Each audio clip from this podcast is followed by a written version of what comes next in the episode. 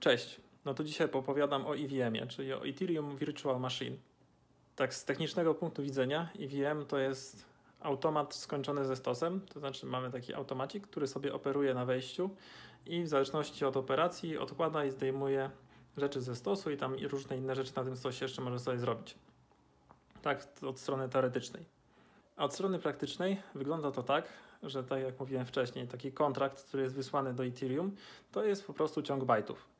I ten ciąg bajtów jest wczytywany przez EVM-a podczas wykonywania smart kontraktu i każdy kolejny bajt y, takiego kontraktu jest interpretowany i na podstawie tej interpretacji są wykonywane różne operacje. Może to być dodanie dwóch liczb, może to być przelanie kasy z kontraktu na jakieś konto, może to być policzenie jakiejś funkcji kryptograficznej, bo są też bytecody specjalnie po to, żeby liczyć hasze albo inne rzeczy, typu podpis cyfrowy. Podczas wykonywania takiego smart kontraktu EVM ma do dyspozycji dwa rodzaje pamięci, po których może pisać. Jedna to jest pamięć taka ulotna, coś w rodzaju RAMu, która jest tylko i wyłącznie na czas wykonywania kontraktu. Po zakończeniu kontraktu wszystko zostaje skasowane. I drugi typ pamięci to jest pamięć trwała, która przetrwa po zakończeniu kontraktu. I pamięć trwała jest zrealizowana za pomocą specjalnej struktury danych, która zapewnia spójność. No i pisanie po niej jest dosyć kosztowne.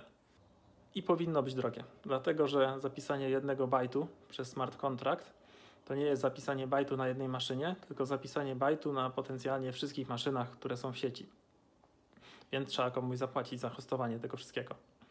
To na razie tyle, jak na początek opowiadania o EVM-ie. To do zobaczenia w następnym filmiku. Cześć!